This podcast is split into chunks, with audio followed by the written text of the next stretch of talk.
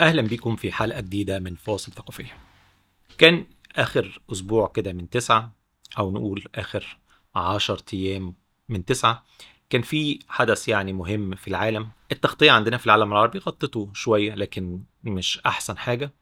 العالم الغربي برضو غطوه شوية وهنيجي لتغطيتهم في الآخر وهو سقوط ناجورنو كاراباخ في إيد القوات الأزرية وضمها عنوة لباقي التراب الأزري. كنت أنا عملت حلقة قديمة تقدروا ترجعوا لها كده ساعة لما قامت الحرب ما بين أذربيجان والأقليم في أرمينيا في 2020 واتكلمت فيه عن الخلفيات التاريخية بتاعت المنطقة وإيه اللي حصل فيها وأصول الموضوع تاريخيا. وممكن هعدي كده سريعا طبعا بس الحدي... التاريخ الحديث في حلقتنا النهارده. ولعلي أبدأ بيه يبقى احسن هو أثناء انهيار الاتحاد السوفيتي كان هم عاملين الاتحاد السوفيتي بقى من وقت إنشائه عاملين تقسيمات للجمهوريات السوفيتية المختلفة ومنها طبعا جمهورية أرمينيا السوفيتية وجمهورية أذربيجان السوفيتية. تقسيمة كده مش مظبوطة يعني هي اللي عاملة كل الوضع المتأزم اللي إحنا فيه. فكان منهم إن في حتة جوه أذربيجان فيها تاريخيا أو لغاية وقتنا الحالي عشان خلاص الموضوع ده هينتهي غالبا بعد كده كان في أقلية أرمينية تاريخية قديمة موجودة في المنطقة دي. المنطقة دي بيسكنها سكان أرمن من عرقيه أرمينية من زمان جدا وهي ناجورنو كاراباخ وفي برضه جزء كده من أرمينيا بيشق أذربيجان وبعد كده في جزء لأذربيجان بعد كده في الغرب. ففي أذربيجان الأساسية وجواها ناجورنو كاراباخ وبعد كده أرمينيا شقها من النص وفي في الغرب حتة أزرية. والموضوع الحقيقة ليه علاقة بتاريخ قديم كتير. يعني حتى هنلاقي إن متورط في الموضوع وهنيجي لدورها بعد كده إيران. يعني حد يفكر كده يقول إيران دولة إسلامية شيعية أكيد هتبقى حليفة لأذربيجان المسلمين الشيعة والإجابة لأ. هنعرف قدام ليه. يعني في الصراع اللي شغال دلوقتي إيران ميالة أكتر ناحية أرمينيا لكن نتيجة توازنات القوة مش هتقدر إيه تدعم أرمينيا قوي وهنقول هي حليفة ليهم ليه؟ ضد المسلمين الشيعة الأزريين. المهم بعد التاريخ المعقد ده بتاع الاتحاد السوفيتي لما جه تنهار طبعا كل واحد أو كل عرقية عاوزة تخطف أكتر مكاسب ممكنه واللي كانوا ليهم السبق والحيوية كانوا هم الأرمن. ومن قبل ما انهار الاتحاد السوفيتي بدأت تحصل أحداث عنف في المنطقة وفي ناجورنو كاراباخ وبدأ الأرمن كان ليهم ساعتها السيطرة أكتر وكان ليهم متسلحين أكتر. وزي ما قلنا كده كان ليهم الريادة والسبق في الأكشن. وكمان قدروا يكسبوا تعاطف الروس لأسباب تاريخية وأسباب دينية. دول مسيحيين أرثوذكس زي بعض وفي نوع من التعاطف فالارمن اشتبكوا وعملوا حرب مع الأزريين وقدروا ينتصروا فيها عليهم. حرب امتدت لما بعد سقوط الاتحاد السوفيتي خلصت 93 94 ومات فيها 30 ألف قتيل طبعا غالبيتهم من الأزر اللي هم الأذربيجانيين يعني. ومش بس خدوا ناجورنو كاراباخ بل وخدوا حتة كمان من أذربيجان وصلوها بأرمينيا. وحصل بقى إيه؟ كتير من التطورات من ساعتها لكن الأزريين منسوش طرهم ومنسوش أرضهم اللي اتخذت منها. لكن طبعا دي القصة اللي جاية من يعني أو صياغة القصة من منظورنا إحنا كمسلمين وكشرقيين وكناس مش بيحبوا روسيا. دي الصياغة اللي هتلاقوها في الإعلام بتاعنا جنرالي يعني بالذات لو ليه هوا إسلامي شوية. ومش إسلامي شيعي طبعا. هو الهوا حتى الإسلامي عشان تركيا هي الحليف الأكبر لأذربيجان في الحرب دي. وهنيجي برضو لدورها قدام. المهم النظام في أذربيجان حكمه الأب وبعد كده ابنه اللي هي عيلة علييف حكم ديكتاتوري اوتقراطي لكن كان مركز وحاطط إن ده هدف مهم جدا للنظام بتاعه. وراح عمل حاجتين. حاجة الأول نما بدخل الدولة البترولي وهي أذربيجان من أيام القيصرية الروسية وهي من أهم مراكز إنتاج البترول في العالم كله وأقدمها نمى موارده ومن الفلوس دي بدأ يحدث الجيش بتاعه. والحاجة المتناقضة إن هو كان بياخد التسليح بتاعه من دولتين ما لهمش علاقة ببعض. إيه هما؟ يعني في ال... في آخر كام سنة كده يعني ما لهمش علاقة ببعض وضد بعض من إسرائيل ومن تركيا. هو طبعا أساس إن دي دول الاتحاد السوفيتي فتسليح الجيوش بتاعتها بالأساس كان منين؟ كان من روسيا. وبالفعل غالبية تسليح أذربيجان وأرمينيا من روسيا. بس أرمينيا أكتر من 90% من جيشها تسليحه من روسيا. أذربيجان بدأت تعمل إحلال وتبديل للأسلحة بتاعتها. آه غالبيتها لسه من روسيا لكن بدأت تاخد كتير جدا من تركيا وكتير جدا من إسرائيل. ففي حد هيقول إزاي إسرائيل وتركيا تتلاقى مصالحهم في هدف واحد. عشان زي ما هقول كده قدام وهاجي الحلقة دي اللي الجزء ده بعدين. حكاية إن إيران مع أرمينيا فبالتالي إسرائيل بقت مع أذربيجان. هنجي لها بعدين. المهم الرئيس الأذربيجاني سلح جيشه كويس وراحوا شنوا الحرب الخاطفة في 2020 عادت لها أكتر من شهر بشوية وقدروا يهزموا فيها الأرمن سواء الناس اللي في الأقليم أو جيش أرمينيا ذات نفسها. وبسرعة تدخلت مين بقى ساعتها؟ روسيا. من بداية الحرب دي ومن قبلها وتركيا حليف ضخم جدا لمين؟ لأذربيجان عشان العلاقات التاريخية وعشان الازار عرق تركي وتركماني. فالعلاقات بينهم كانت كويسة وبرضه زي ما بقول كده إيه بيسلحوهم وفي علاقات تجارية مهمة جدا بينهم. لكن في نفس الوقت أرمينيا بتربطها بروسيا علاقات مش بس ودية بل وتحالفات عسكرية. فبالتالي أرمينيا لجأت لروسيا الحقيني فروسيا على طول وبوتين حذروا تركيا وحذروا أذربيجان. لو دخلتوا الأراضي الأرمينية أنا بحكم المعاهدة هتدخل في الحرب. فطبعا أذربيجان وتركيا قالوا لهم لا مش هيدخل أرمينيا إحنا بناخد الأراضي.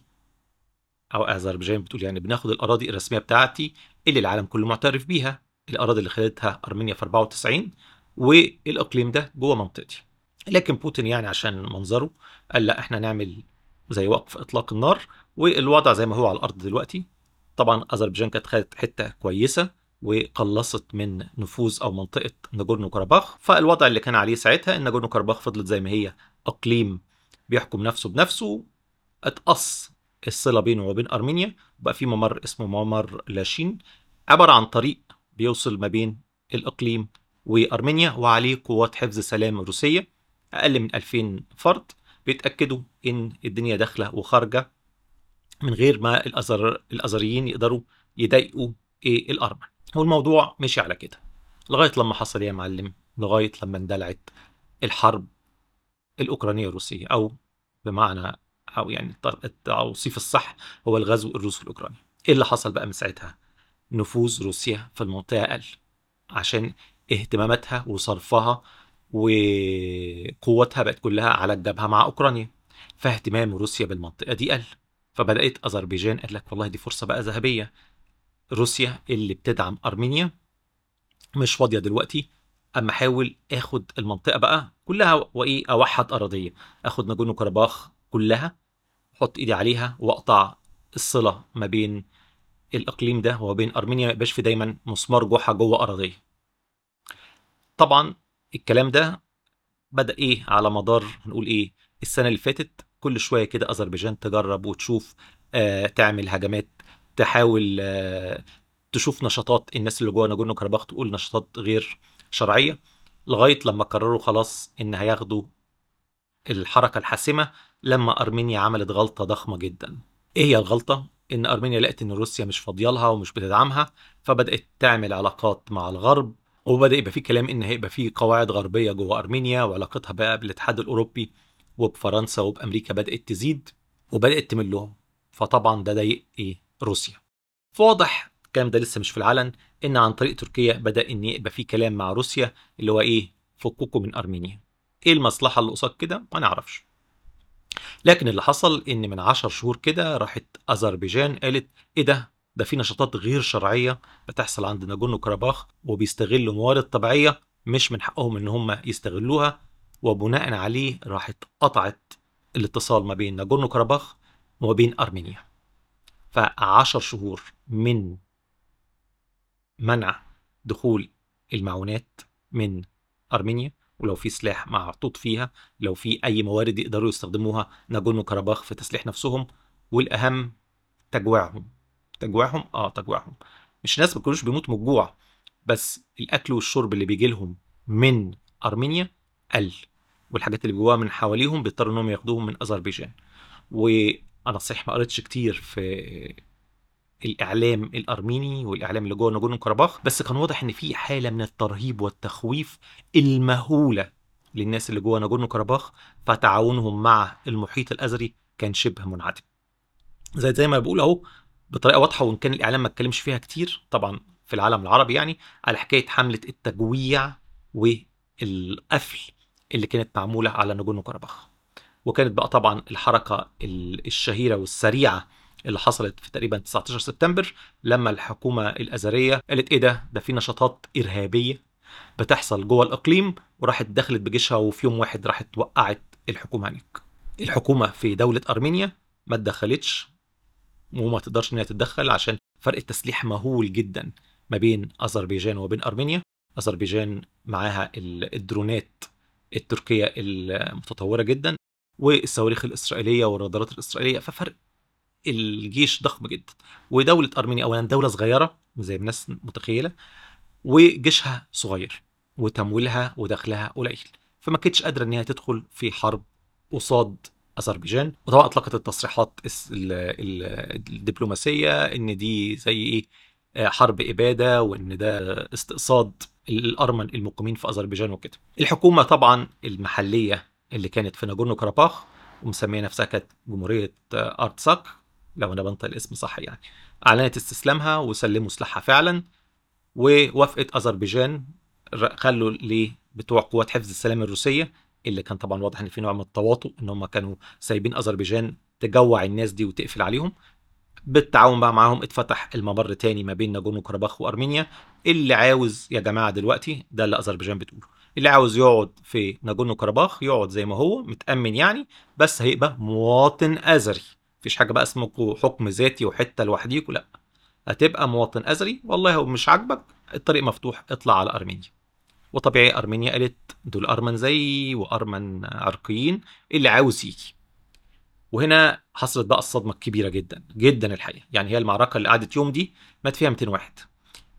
يعني فالخسائر بالنسبة للإقليم هو الإقليم أو الحتة دي اللي هي ناجورنو كاراباخ عدد سكانها حوالي 120 ألف أرميني. اللي حصل بقى من ساعة لما اتفتحت الممر ما بين الإقليم وبين أرمينيا الناس كلها بتجري تهرب من الإقليم. طبعا التغطية الإعلامية العربية ما بتقولش الناس بتجري ليه. هو فعلا الأذريين لا عملوا مذابح ولا عملوا أي حاجة على عكس التخويف المبهم في الإعلام الغربي. الحقيقة إن بتوع أذربيجان ما عملوش أي مذبحة ولا دخلوا ولا قتلوا في الناس ولا أي حاجة. بالعكس دول فتحوا الطريق وقالوا اللي عاوز يقعد وبيقدموا لهم أكل وشرب وحاطين لهم مطافي وعربيات إسعاف وحاجة يعني قمة في الإنسانية. إنما اللي بيحصل على الأرض في الحقيقة الناس كلها كانت بتجري بتهرب من ناجورنو كاراباخ على أرمينيا. لسبب مهم جدا جدا جدا مش عارف ليه الإعلام ولا حتى الغربي ركز عليه بطريقة يعني بطريقة عملية وصحفية بحتة. الناس كانوا خايفين ان يتقفل عليهم تاني والناس خايفين طبعا يتقفل عليهم تاني يعني يخشوا في مجاعة تاني أو يتحصروا أو إن الأزريين طبعا يضطهدوهم ويتعمل فيهم مجازر. مش هقول مجازر زي ما الأرمن عملوا في التسعينات وده طبعا شيء وارد. عشان ساعتها كان في يعني حملة إبادة من المنتصرين الأرمن. ما بقولش إن المسلمين ما بيعملوهاش بيعملوها. ووارد إن هم يعملوها تاني. فعشان كده كان في نوع من الذعر والرعب عند الأرمن اللي في ناجورنو كاراباخ يا إما يتجوعوا يا إما إن يتم اضطهادهم. زائد طبعا الجزء القومي اللي هو أنا هيتم إجباري إن أنا أبقى في البطاقة أزري. لا أنا مش عاوز الكلام ده. فلغاية لحظتنا الحالية في بي بيقال يعني من ال 120 ألف دول في 100 ألف راحوا على أرمينيا. دي طبعا أزمة إنسانية ضخمة جدا. أرمينيا دي دولة صغيرة عدد سكانها أظن حوالي 3 مليون يمكن أقل كمان. هيجي لهم 100 ألف مواطن المفروض بقى يأكلوهم ويشربوهم ويسكنوهم. وطبعا المناظر بقى بتاعت الطريق الصغير ده المفروض الرحلة ما بين ناجورنو كاراباخ لأرمينيا على الطريق ده بتاخد مثلا ساعة إلا ربع ساعة.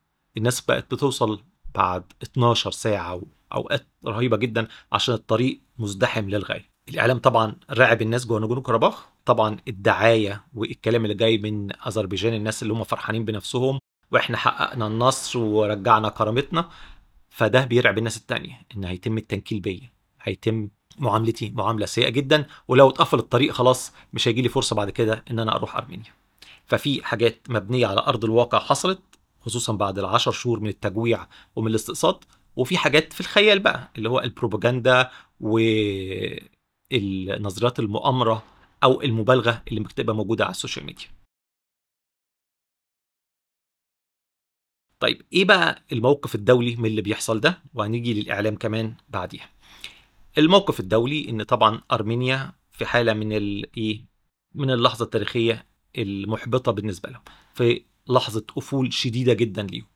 الأرمن من العرقيات المظلومة تاريخيا في ناس بالذات من العالم العربي والإسلامي ممكن يشوفوا إن هم في مبالغات بس هكذا برضو ممكن يقولوا للناس الألمان أو العرقيات زي الإيطاليان أو الفرنساويين لما بيتقال لهم إنكم شاركتوا في الهولوكوست يقولوا لأ دي دي مبالغات. هكذا برضو وارد يكون في مبالغات. الشعوب الإسلامية بالذات التركية بتهرب وبتداري ومتضايقة من قصة المذبحة الأرمينية. هي طبعا مش مذبحه بالمفهوم الكلاسيكي بتاع الهولوكوست اللي هو الناس كانت بتحطوا في الأفران ويتبادوا. لا بس حصل فعلا مذبحه للأرمن في الحرب العالمية الأولى 1915 كان ليها بيز إن هو طبعا الارمن كانوا متحالفين تاريخ طبعا الأرمن اللي جوه الدولة العثمانية كانوا متعاطفين تاريخيا مع روسيا عشان روسيا كانت بتحمي المسيحيين في المنطقة كلها سواء في البلقان العثمانية أو في الأناضول أو القوقاز العثمانية. ففي تقارير كتير إن في بداية الحرب العالمية الأولى إن ارمن كتير في القرى دي ساعدوا الروس. فكان رد فعل الدولة العثمانية كان عنيف جدا ومجرم مجرم مجرم يعني إن هي رحلت ملايين البشر من المناطق التاريخية دي المناطق التاريخية اللي كان بيقعد فيها الارمن رحلتهم في ظروف إنسانية صعبة جدا مش هقول حقيرة كمان فأدت لوفاة عشرات ومئات الألاف والتقديرات بتقول أكتر من مليون أرميني مات ويمكن أكتر من كده كمان. فمن ناحية حصلت آه حصلت. طبيعي إن دي بتبقى وصمة عار على أي عرقية أو على أي دولة فالأتراك دايما بينكروها. بكل يعني حكوماتهم العلمانية أو اللي هو إسلامي بينكروا المذبحه دي تماما وإن كانت شعوب العالم بمرور الوقت ومع تزايد نفوذ الجاليات الأرمينية في كل حتة في العالم خصوصا الولايات المتحدة الأمريكية ودي هنجيلها بعد شوية بدأوا يعترفوا بالمذبحه دي وده طبعا بيضايق تركيا. الأول كانت بتهدد إن هي تقطع العلاقات الدبلوماسية أو تقللها مع الدول اللي بتعترف بالمذبحه وبعدين بدأ إيه؟ يحصل نوع من التقبل التركي والتطنيش لما البرلمانات الأوروبية أو الغربية المختلفة تعترف بالمذبحه دي. تركيا حليف شامل كامل لأذربيجان على كل الأصعدة ومعها في الحرب من البداية للنهاية. إيران بقى. زي ما قلت لكم رغم إن هي دولة شيعية والأزريين شيعة مسلمين إلا إنها حليف. بس إيه هنقول إيه في الظل شوية الارمينيا ليه يا سيدي؟ لكذا سبب. أول وأهم سبب إن إيران فيها أقلية اثريه توصل لحوالي 15 مليون ويمكن أكتر. فدول طبعا عاملين لهم قلق. ليه؟ عشان الناس دول في شمال إيران وعاوزين طبعا يتحدوا مع الناس بتوع اذربيجان فمش عاوزين أذربيجان يقبلها قوة قوي في المنطقة فيقبلها نفوذ على الاقليه الموجودة عندها في إيران. دي حاجة. الحاجة الثانية لو حصل وأذربيجان قوي جدا ممكن تطمع في إنها توصل الشاطرين بتوعها أذربيجان بروبر أو الأساسية والجزء اللي اللي أرمينيا فصلاه فلو أذربيجان قويت وقدرت توصل المنطقة دي فتبقى كده أذربيجان قطعت الطريق ما بين إيران وبين أرمينيا وطبعا بعد كده لروسيا وعالم جمهوريات الاتحاد السوفيتي. وتبقى كده تحت رحمة مش هنقول بقى أذربيجان تحت رحمة تركيا اللي هي زي الراعي أو الحليف الأساسي لأذربيجان. وده شيء هم مش عاوزينه. وكمان عشان هم من البداية حلفاء لأرمينيا ضد أذربيجان ده خلى إسرائيل إن هي تساعدهم أكتر. وفي محطات تجسسية لإسرائيل جوه أذربيجان بيتجسسوا بيها على إيران. فهي إيران مع أرمينيا عشان مصالحها الاستراتيجية في المنطقة والتجارية وكمان عشان أذربيجان حليف لإسرائيل وبتتجسس عليها عن طريق أذربيجان. فده السبب اللي يخلي إيران إيه مش عاجبها التطورات اللي بتحصل في المنطقة على عكس طبعا تركيا. لكن في تفاهمات بتحصل وفي تفاهمات جارية وروسيا وإيران اضطروا إن هم يتنازلوا عن التدخل في الموضوع ده عشان زي ما بيقولوا كده إيه الموجة عالية سواء على إيران أو على روسيا وواضح إن الدبلوماسية التركية برضو ليها دور في الموضوع. أما بقى بالنسبة للحكومات الغربية فهم في مشكلة كبيرة جدا. من الناحيه الدبلوماسية والرسمية الأراضي دي كلها بتاعت أذربيجان وأذربيجان بتاخد حقها وبتاخد أرضها. لكن من ناحية بقى العواطف فقلوبهم مع الأرمن. هم يعرفوا الأرمن أكتر. مش هنقول دينيا مسيحيين زي بعض وإن كان طبعا ده بيبقى اللي في القلب في القلب وإن كان دول طبعا شرقيين ودول غربيين يعني مش نفس الكنيسة. لكن الأهم كمان حضاريا وثقافيا والشيطنة اللي حصلت لتركيا في آخر 20 30 سنة تحت حكم أردوغان. فأي حد أردوغان معاه يبقى هو أكيد وحش. فبالتالي بقى في نوع من التعاطف كبير جدا مع موضوع ناجورنو كاراباخ بس من ناحية إنسانية.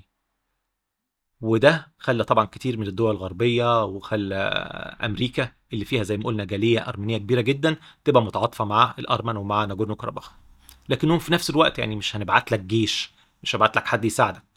وكمان مش قادرين يعملوا عقوبات كبيرة قوي على أذربيجان عشان وسط أزمة توريد الغاز الطبيعي والبترول من روسيا أوروبا عاوزة غاز وبترول من أي حتة. وطبعا بياخدوا من أذربيجان فمش عاوزين برضه يخسروها.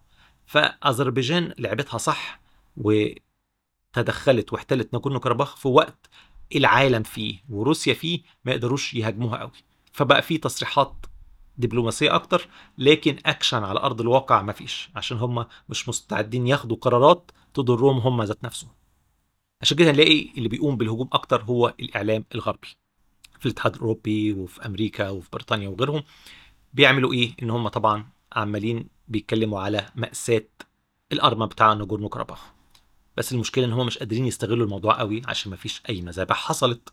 فيجيب لك صور الناس الطريق المقفول اللي الناس كلها بتهرب فيه يجيب لك مأساة الناس التاريخيين وإن هم خايفين من يتم التنكيل بيهم يجيب لك صور المآسي اللي في أرمينيا أو المصاعب اللي توجهها أرمينيا إن إزاي مئة ألف شخص جولها حتى الآن هتسكنهم فين؟ تقاسي على إن ناجونو كاراباخ اتفضت من سكانها وإن ده جزء مهم جدا من تاريخ أرمينيا دي حتة تاريخية في تاريخ الأرمن هتبقى راحت إلى الأبد. كله كلام جميل جدا ومن حقهم إن هم يتكلموا فيه ويعرضوه في الصحافة الغربية. لكن ما ينفعش يتم تقديمه بالطريقة دي اللي فيها جزء من العنصرية تجاه المسلمين وتجاه الأتراك.